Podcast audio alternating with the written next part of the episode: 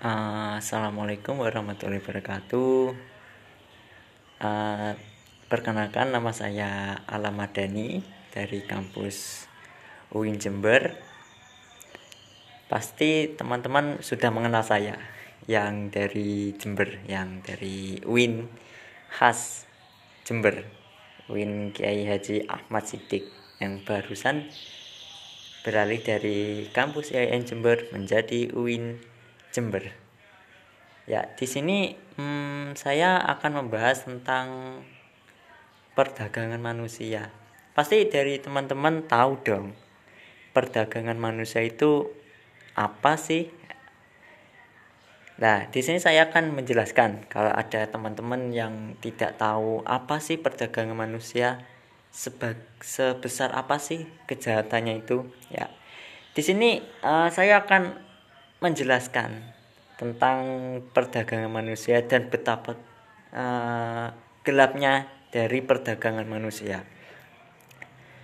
Di sini perdagangan manusia itu sangat mengancam dan ancamannya itu serius bagi hak asasi manusia, terutama di negara kita, yaitu di negara Indonesia. Kian hari uh, banyak korban perdagangan manusia tercatat semakin bertambah seiringan dengan waktu permasalahan yang yang harus dituntaskan itu banyak banget dari pihak uh, masyarakat dan pihak berwajib seperti kepolisian dan negara. Dan perlu diwaspadai seluruh lapisan masyarakat dalam mengenali uh, tindak kejahatan ini perlu banget diwaspadai. Karena apa? Uh, apa itu? Perdagangan manusia itu sangatlah mengerikan. Seperti demi menekan korban trafficking di Indonesia yang masih sulit dikendalikan. Sebagian besar responden 65,24% mendapatkan informasi tentang perdagangan manusia melalui televisi yaitu acara berita yang tayang di sinetron. Nah, ini saya ambil dari uh, situs internet new news.unair.ac.id. Nah, kita lanjut. Perdagangan manusia dapat terjadi pada siapa pun dari uh, kaum laki-laki maupun perempuan, dari anak-anak maupun dewasa di luar dugaan kita Indonesia itu rupanya uh, mempunyai eh merupakan negara yang aktif untuk perdagangan pekerjaan migran laki-laki, perempuan dan anak-anak. Dan serta memberikan kontribusi besar bagi pekerja migran tidak berdokumen di kawasan Asia Tenggara. Namun apa sebenarnya perdagangan manusia itu? Nah, perdagangan manusia menurut Undang-Undang Nomor 21 Tahun 2007. Nah, ini perlu kita apa itu? Kita ngerti. Definisi dari perdagangan manusia adalah sebagai tindakan perekrutan, transportasi, perlindungan, pemindahan atau penerimaan orang-orang dengan ancaman kekerasan, penggunaan kekerasan, penculikan, penangkapan, pemalsuan, penipuan, dan penyalahgunaan kekuasaan atau posisi rentan manfaat sehingga untuk mendapatkan persetujuan dari orang yang mengendalikan orang lain. Sangat mengerikan. Dan ini baik yang dilakukan di dalam negara atau antar negara. Ya, ini dengan tujuan eksploitasi atau mengakibatkan eksploitasi orang. Dan uh, perdagangan manusia itu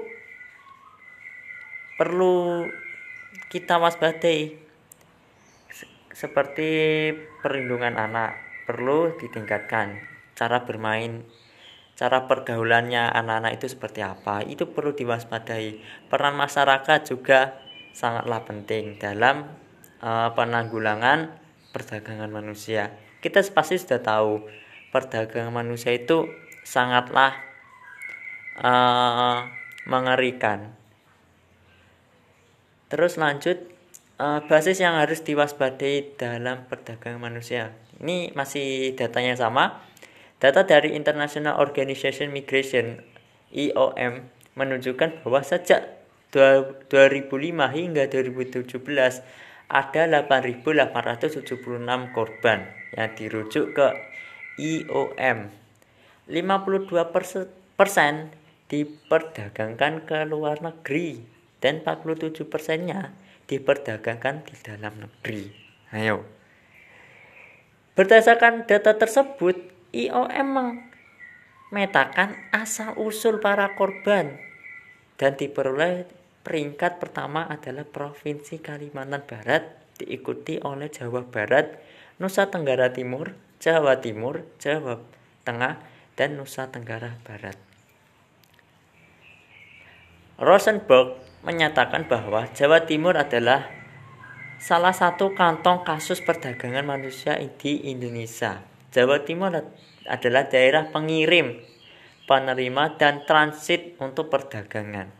Nah, kebanyakan orang yang menjadi uh, perdagangan manusia itu adalah orang-orang dewasa yang masih usia muda lah seperti uh, kalangan mahasiswa lah umur-umur mahasiswa lah. Karena apa?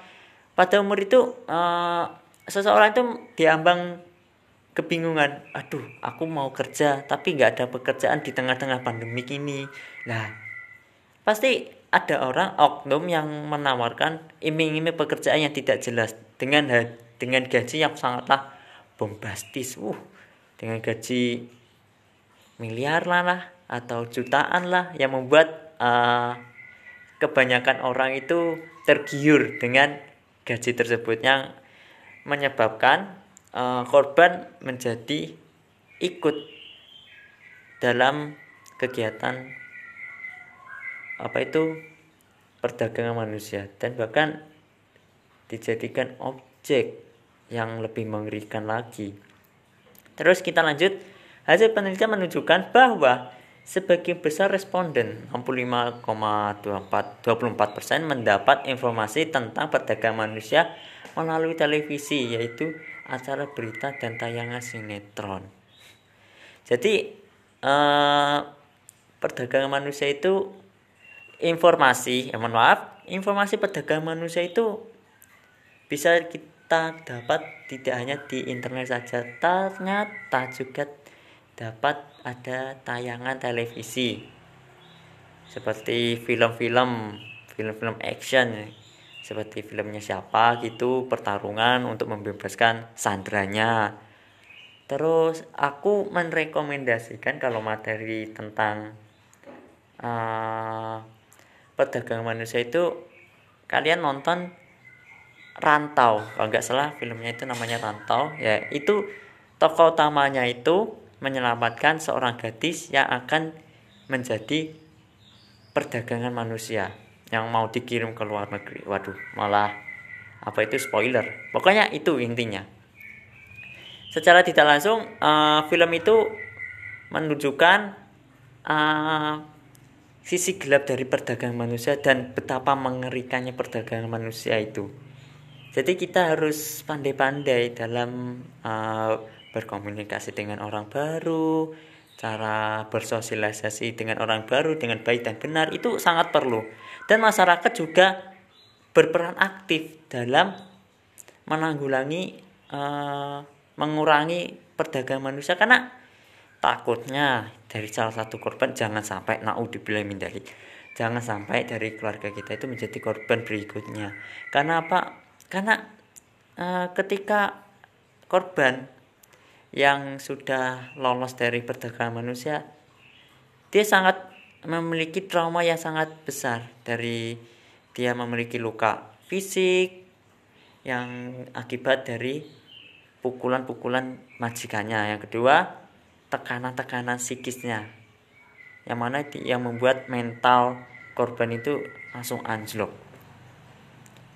Uh, begitu yang bisa aku sampaikan ke teman-teman podcast kali ini. Ini termasuk uh, podcast yang menurut saya agak ngeri sih, tapi seru untuk dibahas. Untuk ke depannya saya akan melanjutkan podcast bersama teman saya.